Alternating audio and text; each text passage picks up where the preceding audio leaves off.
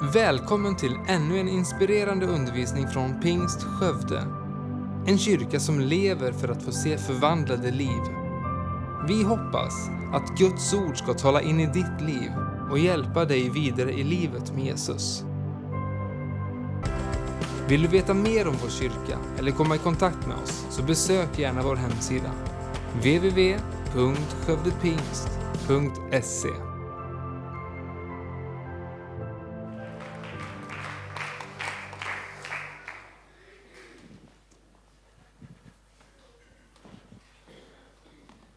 Hallå där Skövde!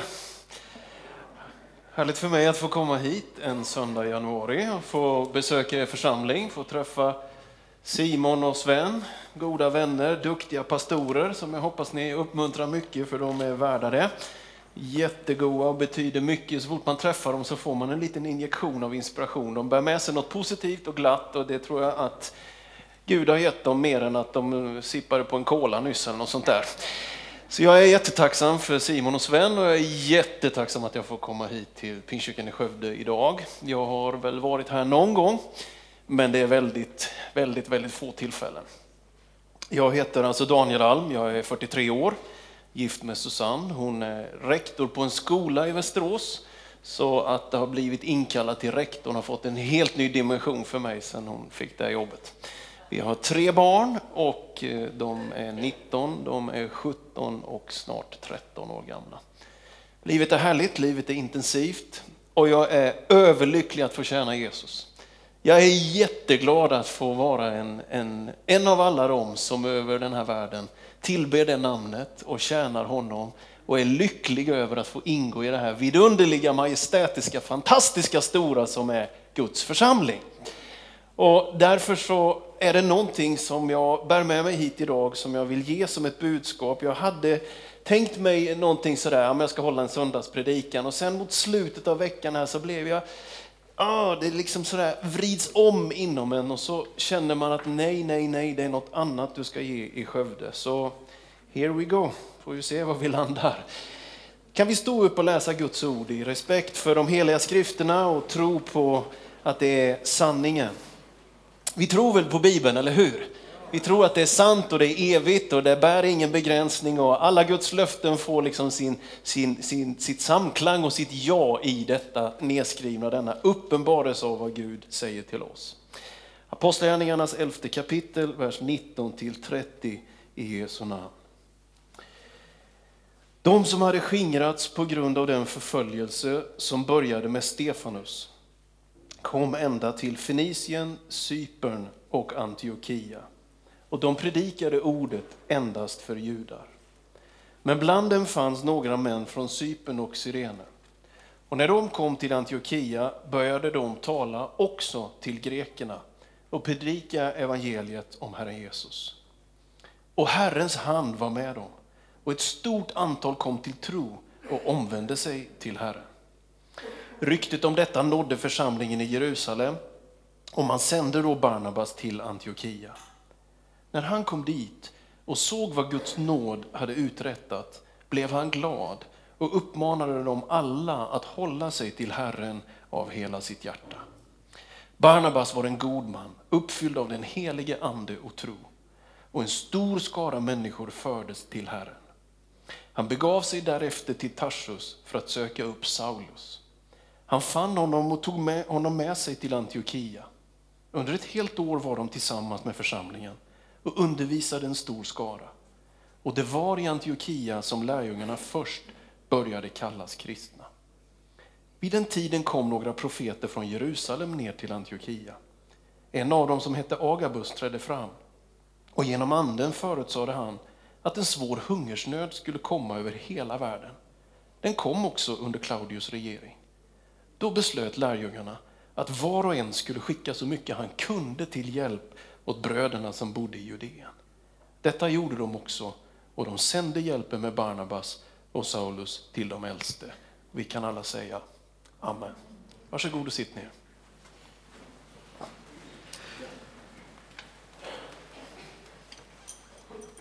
Det är 50 mil mellan Jerusalem och Antiochia. Det som nu beskrivs av Lukas utspelar sig i romarrikets tredje största stad. Efter Rom, Alexandria kommer Antiochia. Den här platsen skulle visa sig att bli en otroligt viktig och av Gud använd miljö, kultur, församlingsmylla för att välsigna stora delar och skriva historia över vad Gud ville göra i den tid som var. När vi tänker på Antiochia så är det en stad fylld av en massa strömningar, mängder av ekonomiska transaktioner, men även politiska och filosofiska strömningar som går igenom denna plats, Antiochia. Det är en otroligt viktig plats. Det är inte den största stan, men det är en väldigt, väldigt viktig plats. Här sker det saker som påverkar den kristna kyrkan, den unga kyrkans historia, som bara väller fram och som jag tror har någonting väldigt viktigt och angeläget att säga till oss idag här i Skövde. Några lärdomar från Antiochia är det som jag vill dela med er idag. Det sker en förföljelse mot den tidiga kristna kyrkan. När man möter människor över världen idag som eh, står för Jesus och tjänar honom och går med honom genom vad det än är för omständigheter så, så blir man lite trött ibland på svensk frikyrka. Jag älskar pingst, jag är född i pingst, jag kommer, tror jag, alltid vara i pingst. Jag är jätteglad för det, men jag är ibland urtrött på vår miljö.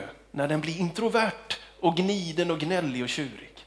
Det är ju inte, nu pratar vi inte om Skövde såklart, nu är det ju Västerås och andra sådana platser. Här är det ju generöst och öppet och på allt sätt. Den första unga kyrkan får ganska snart smälla rakt in i betongen och känna av vad förföljelse är. Det börjar med Stefanus och sen utvecklas det här. Och av och till genom historien så har vi fått bära det märket med oss. Att när man vill gå med Gud och ge sitt liv för honom, då får man sannerligen ge sitt liv för honom också. Det är inte bara liksom lätta ord och jag vill lyfta mina händer i lovsången och jag ger dig mitt allt. Ja, men du vet om vi skulle dra konsekvenserna av våra lovsånger ibland så skulle virket inom oss växa till att vi skulle vara beredda att utstå bra mycket mer av friktion och umbärande än vad vi faktiskt ibland idag är. I ett svenskt sammanhang där individualismen och ateismen slår ner i en härdsmälta. Vi är världens mest sekulära hörn och dessutom det mest individualistiskt orienterade. Vi är ett gäng statsindividualister, vi snart 10 miljoner som bor i Sverige. Individen ska fram och vi ska ha ett starkt skyddsnät som fixar våra vägar så vi kan köra våra fina bilar, som ordnar våra försäkringar och som gör att vi kan gå i pension på ett bra sätt. Sverige är ett land där vi vill montera ner det som finns mellan individen och staten. Så tecknar professorer och historieskrivare vår tid. Vi ska inte ha någon familj, vi ska inte ha någon kyrka, vi ska inte ha några föreningar, vi ska inte ha något civilsamhälle, vi ska ha jaget och staten som fixar så jaget kan blomma ut. Det är Sverige av idag. Men när jag läser skrifterna och ser den tidiga kyrkans hängivenhet, dess passion, dess villighet att betala ett pris och en kostnad för sin relation med den korsfäste Kristus, så ser jag någonting annat. Jag ser något annat som väller fram, en utgivande, generös, uthållig, brinnande församling som inte egentligen begär någonting utan som märkt av korset gensvarar på hat och förföljelse med mer kärlek. Som gensvarar på umbäranden och svåra tider med att faktiskt själv vara villig att stå fram och ta en kostnad.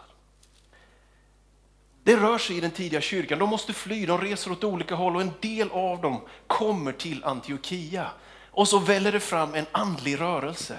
Det är det det gör. Runt människor som har mött honom så kan det hända någonting. Erfarenheten av Gud förvandlar och sätter igång en rörelse som är fantastisk. Och de gör någonting som jag tycker man ska göra. Jag har en kompis, vet, han sågade ner ett trä på sin farsas trädgård en gång. Han hade tyckt att det där trädet skulle ner väldigt, väldigt många år och hans farsa hade inte tyckt detta. Och en mörk och kulen natt så tog sonen och helt enkelt hämtade en motorsåg och sågade ner trädet. Med motiveringen att det är lättare att få förlåtelse än tillåtelse. Och nu rekommenderar jag inte uppror här emot fäderna. Men de här som kommer till Antiochia, det står i texten Ungefär så här, liksom. de, de har inte fattat att vi predikar bara för judar. Utan de är så brinnande och det är ett sånt övertryck så de börjar predika för grekerna. Och det är ju det här, i det här skedet så är det den stora, hur långt ut kan vi gå? Kan vi möta icke-judarna? Kan vi möta hedningarna? Kan de vara med i församlingen? Vilka får vara med? Och de här är så uppfyllda och så brinnande och passionerade så de vet inte vilka de inte får predika för. De bara kör rätt på, på alla forum och torg som finns där i Antiochia och det bara brinner. Och någonstans längtar jag efter den typen av kristna på nytt igen i Sverige. Som inte egentligen frågar om lov i första hand, utan som bara måste ut på gator och gränder. Och jag vet att man inom buddhismen kan ägna hela livet åt att kontemplera över om det hörs. När man klappar med en tumme. Men det är inte vi. Ut på gator och gränder. Försök att vinna en människa för Jesus, det är pingst för mig. Det är den helige ande ut på julen som det står i Hesekia. Det händer någonting, det blir någonting av det, det kommer ut någonting. Det är fantastiskt att se att det finns här och förhoppningsvis också idag en frimodighet som är äkta och sann. Inte påklistrad, inte påtvingad, men det bara väller fram. Och det Gud har lagt i ditt och mitt hjärta och i församlingens DNA, låt det få komma fram. Så de börjar att predika evangeliet. Och Herrens hand var med dem. Många blev frälsta. Det sker fantastiska saker. Många kommer till tro. Då börjar ryktena gå. Det är ju också fascinerande. Där vi människor är, där finns det väldigt lätt ryktespridning. Det har ju aldrig ni ägnat er åt, men i Västerås kan sånt för. Äh, men du vet, det börjar pratas om det här och ryktet når hem 50 mil till Jerusalem till apostlarna. Och vi är i den här, är det här okej? Okay? Eller inte? Med icke-judar i församlingsgemenskapen. Det här bryter mellan Petrus och Paulus. Det är den tidiga kyrkans på något sätt 9-11. Det är, det är det här ångestframkallande elefanten i rummet. Vilka får man med? Ska man omskära sig eller inte? Det är en stor debatt.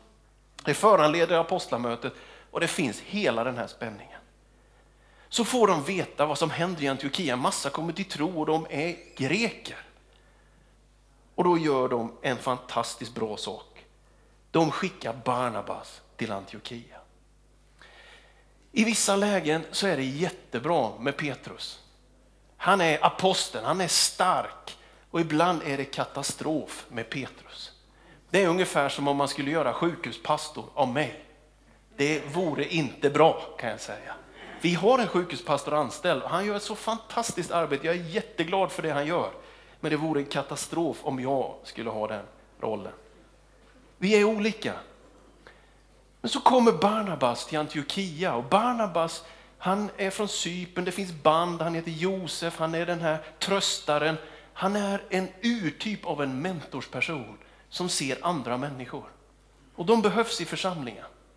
Vi behöver strukturen, drivet, målorienteringen, kraften. Vi behöver också det relationella och att kunna fånga upp. Barnabas kommer och han uppmuntrar det som sker i Antiochia. Han ser vad Guds nåd har gjort. Har du de ögonen? Är du en Barnabas kristen som kan se vad Guds nåd har gjort i de grupper där du inte knappt tror på att det kan ske? Nu ska du tänka på den mest råhedniska person här i Skövde och så ska du tänka den tanken att Gud skulle vilja ge helig ande till den personen. Det kan en Barnabas person se. Det kan inte alltid vi se i oss själva. Det behövs Barnabas människor som ser vad Guds nåd kan göra. Som ser vad Guds nåd förmår och som fyller oss med den här passionen. Allt är möjligt. Allt är möjligt för Gud. Det kan ske fantastiska saker. Det är någonting som Guds nåd bara gör och Barnabas ser det här. Och han uppmuntrar dem att hålla sig till Herren. Var brinnande, var hängiven. Och så är han där, mitt i en väckelse. Det sker ett skeende. Och så har Barnabas denna unika kvalifikation av ledarskap. Att fast att han är i händelsernas centrum så kommer han att tänka på en annan kille. När han är i Antiochia så vet han och kommer ihåg att för några år sedan så hände det där att den där hatiske, av modlust fyllde, drivande farisén som hette Saulus, han fick ett möte med Jesus på vägen till Damaskus. Han blev frälst, han blev döpt, han blev insatt, han kommer tillbaka till Jerusalem. Men sanningen av apostlagärningarnas historia är att det blev för hett att ha Saulus i den tidiga kyrkan. Man skickar hem honom igen till Tarsus. Många gånger har vi som församlingar svårt att hantera de som var emot oss, är de nu för oss? Kan vi lita på honom? Han sa ju så då. Men jag tror på en församling som ger människor en ny chans. Om du har hamnat i ett läge där du har den här stämpeln, liksom, det är jag som är pajasen, så kan du få en ny chans och bli lite seriös. Om du har hamnat i ett läge där det alltid är du som är revisorn och granskaren och den som ska tycka en massa, kan du få en ny chans och få bli lite glad och få släppa på och öppna upp och acceptera att det faktiskt blir bra. Och Barnabas har den här liksom fingerspitzgefühl-känslan av att veta att nu är jag här. Men nu finns det ju en, det är inte så långt mellan Antiochia och Tarsus. Där finns Saul. Vi gick inte i Jerusalem, det var för hett. Men här kanske det går. Gud hjälper Pingstkyrkan i Skövde, församlingen, att vara en plats där man kan få en ny chans. Gud hjälp er att det finns ett Barnabas perspektiv att fast det finns människor här nu som är glada för värmen och glada för dop och glada för församlingen, så finns det många fler. Gud måste få öppna våra hjärtan och se att det finns tusentals, det finns hundratals. Det är tid för den kristna kyrkan i Sverige att resa sig och förstå att utöver det här landet finns det mängder av människor som vill komma till Jesus om bara vi går ut och plockar in dem. Tror ni på det? Finns det en möjlighet för väckelse i Sverige 2015? Jag är helt övertygad om detta. Men det virke som krävs det är en generös församling. Det är en Barnabas-tänkande kyrka som ser värmen och som inte bara dömer ut utan som förlåter. Ni predikar för för många typ. Ni använder en annan målgrupp än vad vi i Jerusalem hade trott att det var. Och som också ser, var finns han? Var finns hon? Så Barnabas gör en liten resa. Han lämnar väckelsehärden i Antiochia en kort stund bara för att hämta Saulus tillbaka. Så kommer han där. Och så är de ett år. Och det som sker under det året är det som kickar igång en extremt stark missionsexplosion. Det är härifrån Paulus och Barnabas blir utsända först. Det är här i församlingen i Antiochia som det finns profeter och lärare. De fastar och de ber. Och när de gör detta, du kan läsa om det i Apostlagärningarna 13, så talar Gud och så säger han det här som har blivit det vi tror på. Avskilj åt mig Barnabas och Saul för den uppgift jag har kallat dem till. Det är aldrig en församling som kallar, det är alltid Gud. Men en församling är med och bekräftar och avskiljer. Gud har sina apostlar, profeter, herdar, evangelister och lärare. Och Gud hjälper oss att vi är en församling som tar emot dem och avskiljer dem och sänder ut dem. Det som börjar med en vildvuxen andlig rörelse i en ny grupp av människor håller nu på att utvecklas till ett säte som Gud kan använda för att multiplicera och expandera den tidiga kyrkan, evangeliets förkunnelse, ut i den då kända romarvärlden. Det sker här i Antiochia väldigt mycket genom Barnabas lyhördhet, känslighet, generositet. För det är här aposteln Paulus på något sätt kommer in i systemet. Det är här han kan kroka i. Du vet, jag var ung en gång i tiden. Och då var jag i Seattle i USA. Då hade jag en bibellärare som sa, ja, jag har band i, i Sverige. I, i Skövde, sa han. Skövde. Jag kunde inte fatta vad det var för ett ställe. Skövde? Till slut förstår jag att det är Skövde. Han heter Brother Hughes och när de absolut bästa bibellärare jag har. Jag tror han har sin dotter här och Johan Brännberg som jag känner är ju barnbarn, eller hur? I alla fall, när vi var på den bibelskolan så var det bön på onsdagskvällarna. Och det var bön som det var på riktigt. Alla skulle böja knä. Det kan vara en nyttig övning för övrigt, att böja sig ibland.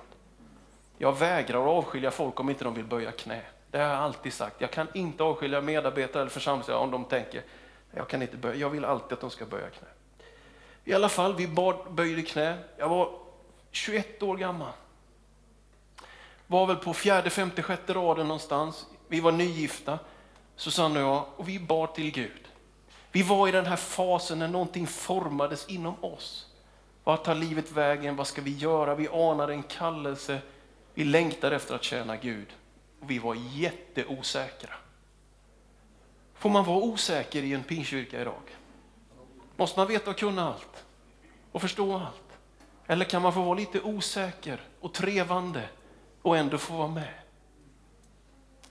På det där onsdagskvällsbönemötet på knä på rad fem, vad det nu var, så kommer en man som heter Paul Zettersten och han har säkert varit här många gånger. Och så utan att jag har bett om det så lägger han sina händer på mig och så ber han och så talar han ut ord ifrån Gud som på något sätt kopplade det där fröet jag hade och så kom det ihop med något system av apostolisk, av andlig, av karisma, jag vet inte vad jag ska säga för ord. Jag blev intagen, jag blev en länk i kedjan på något sätt. Så i detta enkla förhållanden, borta från all publicitet, i en enkel handpåläggning och bön, så bara blommar någonting ut och på den vägen är det faktiskt. Jag kan säga 20 år senare går jag på den energin fortfarande. Vad som hände i mitt liv. Gud hjälpe att vi lägger händerna på människor och förlöser dem ut i tjänst för Jesus. Och det här rör oss kanske som individer, att få vara med och göra det. Men vet du, det rör hela församlingen. Jag uppfattar det som att Antiochia församlingen, den var helt fylld av det här perspektivet.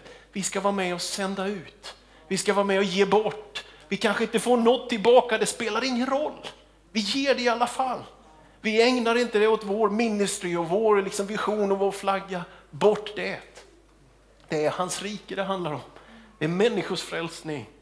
Och församlingen i Antiochia, den fylls av ett sånt DNA från början som är avgörande och viktigt. Det sker någonting fantastiskt. Paulus får sin chans. Människor kommer till tro som ingen hade trott kunde komma till tro. Vill du vara med om det här i Skövde?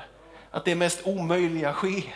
Vill du vara med om det, att det som är kört och liksom känns utanför och någon känner sig själv utanför som Saul, får bli en Paulus och börja tjäna Gud. Är du beredd att utstå lite ryktesspridning och bli lite missförstådd? Det var i Antiochia man först började kalla oss för kristna. Och det var ju som ett öknamn, ett hån till att börja med. Men de tog det och de bar det och vi bär det med stolthet idag på det sättet som det är. Vad händer i en församling likt Antiochia? Så kommer det negativ information, de får besök av profeter. En Antiochia-församling har respekt för andliga tjänster och gåvor och lyssnar och är inte bara sig själv nog. Och Jag tror att det är viktigt för att vara en sund församling, det är att man faktiskt har lite predikogäster och utbyten och lyssna på andra och så vidare. Kommer det en man som heter Agabus till Antiochia och han har ett väldigt negativt budskap. Det kommer att bli hungersnöd. På nyheterna säger man nu att vi svenskar vi orkar snart inte fylla i enkäter. Statistiska centralbyrån har jättesvårt att få in enkäter. Underlagen för statistik och befolkning och sysselsättning och allt vad det är blir bara sämre och sämre. Politikerna riskerar att fatta beslut på sämre och sämre beslutsunderlag, för vi orkar inte med enkäter längre.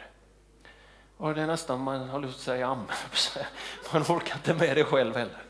Nej. I församlingen i Antiochia så får man en negativ information om vad som ska komma och ske i den tiden. En svår hungersnöd. Det är väldigt många som är jättebra på att göra analyser, fylla i enkäten, tycka någonting. Vi är ju många gånger otroligt bra på jag tycker någonting. Här får de en information om att det kommer att bli sämre tider. Men deras gensvar tycker jag är fascinerande. Och det är det jag tror kännetecknar en Antiochia-församling. Vad är den instinktiva reaktionen när vi får negativ information? Räntorna kommer gå upp, svårigheterna kommer att bli större. Jo, men det är att ner, liksom med murarna. Hissa upp bryggan. Fyll vallgravarna med vatten. Vi måste ta hand om vårt eget. Det är ju en naturlig reaktion. Att när någonting känns tungt och svårt och kommer att bli värre, då reagerar vi med att säkra vårt eget, eller hur? Är det inte så det är? Det är ju högst naturligt. Men inte församlingen i Antiochia. De lyssnar och drar rätt slutsats. Och Det här är avgörande för hur en församling utvecklas och en ledare utvecklas. Vi kan få negativa informationer, vi kan få veta, vi kan få höra negativa saker. Det allra viktigaste är vilken slutsats drar vi av det? I Antiochia-församlingen drog man slutsatsen, oj, det blir hungersnöd. Oj, människor kommer svälta. Oj, det blir svårt. Vi måste ge mer. Vi ger det till Jerusalem. Vi ger det till den fattiga mamman hemma i Jerusalem. Vi samlar in pengar. Den typen av församling tror jag på, som reagerar på den negativa informationen med ett positivt agerande. Som reagerar på det tuffa beskedet med att nu måste vi tjäna Gud ännu mer hängivet. Nu måste vi ge mera. Det är det som skiljer människor som bara svarar på enkäter och tycker någonting från ledare som förändrar en historia i ett sammanhang. Det kommer säkert tuffa tider framför, för dig personligen, för församlingen, för Kristi kropp i Sverige. Men vårt gensvar på det måste vara att vi vill ge mera. Så vi har fått så mycket, frågan är vad gör vi med det? Orkar ni några, får jag hålla på några minuter till? Så? Ja, jag kör på lite grann här. Det är så. När cirkushästen kommer ut i manegen blir han frisk. Jag var lite, lite snuvig och hängig innan, men nu känner jag att jag börjar bli pigg här. Nej, men jag tänker på alla gåvor som man, man ser genom historien. Ta ett enda gammaltestamentligt exempel. Det är ju den unge drömmande Josef. Han får den här gåvan och han ser syner och drömmar. Va? Och du förstår, han har ju en massa bröder. Och en dag så får han denna underbara dröm. Han ser en massa små kärvar. Och de är som i en cirkel. Och sen i mitten är det en stor kärve. Och alla de små kärvarna de bugar sig för den stora kärven. Och då gör Josef detta fantastiska. Han säger till brorsorna, kom nu grabbar, kom nu, jag ska berätta någonting här. Jag har sett en dröm. Och det är så här. Att alla de här små kärvarna som bugar sig, det är ni. Och den stora kärven som står i mitten som ni bugar er för, det är jag. Det är ett jättebra sätt att bli såld som slav till Egypten. Han hade ju en väldigt stark gåva och i början hade han otroligt svårt att hantera det. Nu använde ju Gud detta så att han blev till räddning för med hungersnöd och allt som där hände. Och inte tid för att gå in i allt, det är ett fascinerande liv med Josefs liv. Men att ha någonting man har fått, det förpliktigar. Vad gör du med det? Gud hjälper oss att vi får använda det vi har fått på det sätt som Gud vill. Bara för att man fattar det här, vad har jag egentligen sagt idag? Vad är det som har hänt i mitt hjärta de här dagarna inför att jag skulle komma till Skövde? Jag vill inte hålla en retoriskt, homiletiskt, exegetiskt, hermeneutiskt, isagogisk, väl förberedd predikan. Där jag känner att jag har något att säga till er som församling. Och jag tror inte kanske att det bara är mina egna tankar, där jag har tryckts i den här riktningen. Jag hade förberett en helt annan predikan. Men jag kände att jag skulle bara säga Antiochia till er. Varför? Ni får ta det och ni får göra på ett sätt, ni får göra vad ni vill med det. Men det finns en utmaning till den här församlingen att inte bara bygga sitt eget. Det tror jag. Gud reser upp Antiochia-församlingar också 2015 och åren framför. Det finns en utmaning att som församling vara generös och utgivande till mer än sitt eget.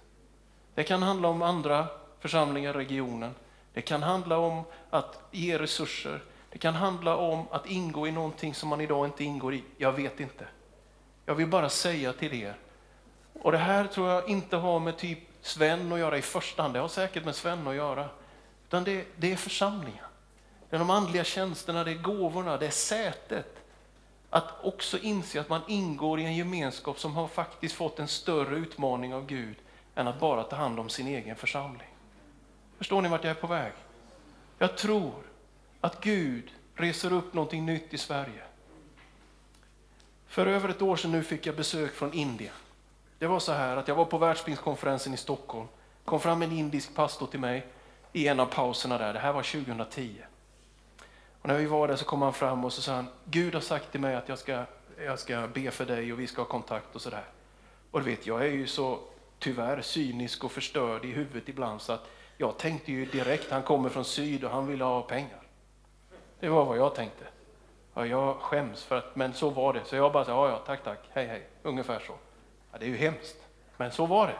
Sen dagen efter på samma konferens så kommer den här mannen igen och säger, nej, nej, nej, Gud har lagt dig på mitt hjärta, jag ska be för dig. Och då förstod jag, då, riktigt så cynisk var jag ändå inte då, utan jag förstod, det kanske är Gud det här. Så då bytte vi lite mejladresser och så vidare. Sen har vi hållit kontakten och så för något år sedan så fick jag ett mejl i augusti så skriver den här otroligt goda mannen från en pingstsammanhang i södra Indien så skriver han så här, nu kommer jag. Och vet, då fick jag panik igen. Ska du komma nu också? Och vad vill du göra? svarade jag. Men ska du, jag tänker, ska jag lägga upp möten? Vill du predika? Nej, jag ska träffa dig, sa Men ska du komma från Indien och träffa mig? Ja, det ska jag. Men vem ska betala det? betalar jag själv.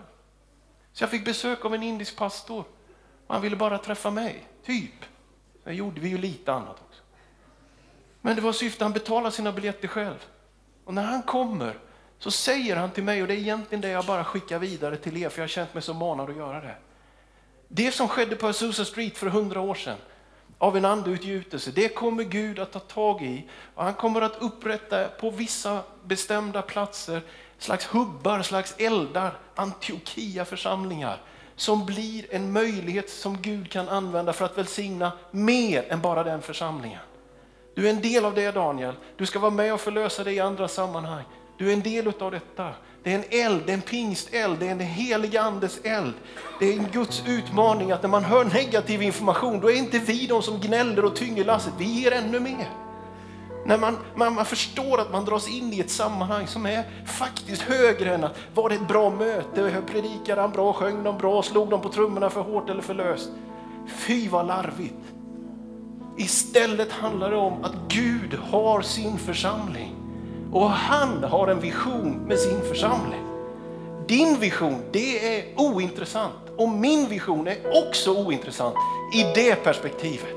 Sen får vi vara de vi är och ge det vi har att ge och vi får utvecklas som individer. Men på Guds agenda är inte att etablera en massa estrader för att en massa broilers ska tycka att de gör något bra. Utan Gud vill frälsning till den här regionen. Gud vill att människor ska komma till tro. Han har en församling för vilken han har en vision och vi behöver bara in i det och ställa oss i ledet för vad den heliga ande vill göra genom oss. Det har jag tror. Det är den lågan jag har fått sedan ett och ett halvt år tillbaka på ett speciellt sätt. Därför så tror jag på allvar att Gud utmanar er och oss. Var generösa. Se vad Guds nåd kan göra. Var ett Antiochia. Ge bort någonting.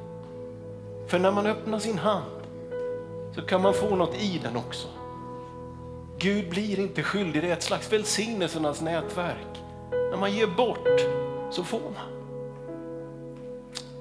Lovad vare Herren. Ska vi resa oss upp?